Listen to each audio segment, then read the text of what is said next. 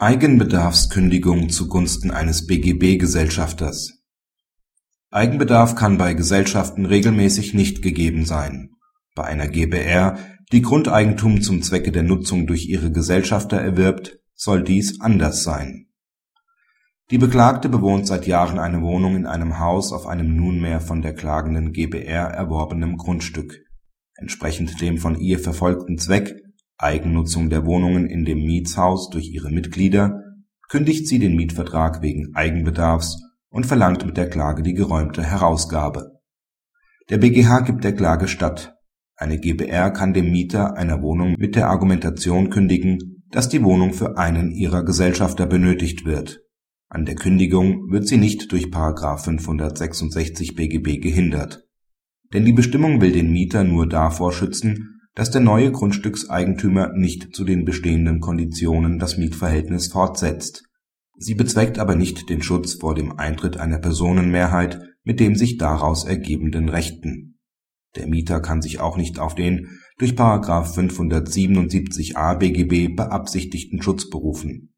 Denn dies setzt voraus, dass entgegen den vorliegenden Umständen Wohnungseigentum nach dem Beginn des Mietverhältnisses aber vor Ausspruch der Kündigung begründet worden ist.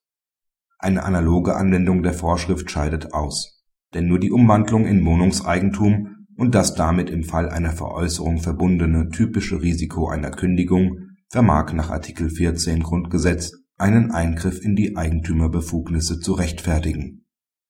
Kritik Mit seiner Entscheidung entwickelt der BGH seine Rechtsprechung fort obwohl eine Gesellschaft Eigenbedarf dem Grunde nach nicht geltend machen kann, zieht der BGH bei der GbR eine personalistische Betrachtungsweise vor. Dies ist bereits, insbesondere im Hinblick auf die Umstände des Einzelfalls, in der Vergangenheit nicht ohne Kritik geblieben.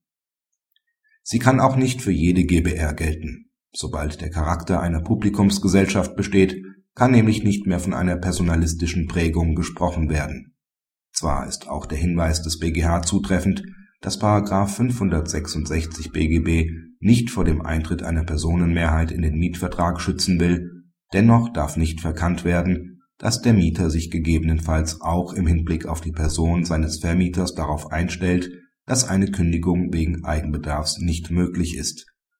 Der BGH will dies offensichtlich einem allgemeinen Lebensrisiko zuordnen. Dies erscheint zumindest dann nicht unbedenklich wenn der Mieter bei Vertragsschluss auf die Rechtsform seines Vermieters wegen des Ausschlusses von Eigenbedarf erkennbar besonderen Wert gelegt hat